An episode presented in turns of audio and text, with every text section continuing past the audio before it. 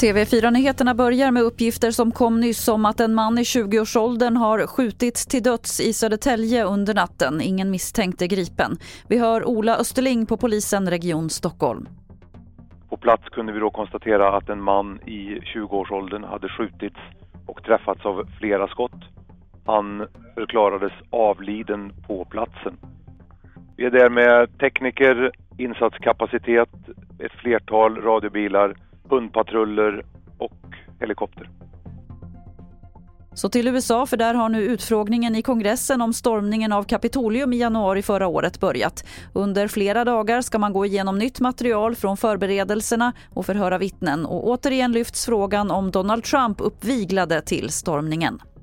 Till sist kan vi berätta att regeringen vill höja maxstraffet för rattfylleri, grovt rattfylleri och grov olovlig körning. För rattfylleri och grov olovlig körning vill de höja från sex månader till ett års fängelse. Och för grovt rattfylleri föreslår de en höjning från två till tre års fängelse. Lagändringarna föreslås börja gälla den 1 januari nästa år. Fler nyheter hittar du på tv4.se. Jag heter Lotta Wall.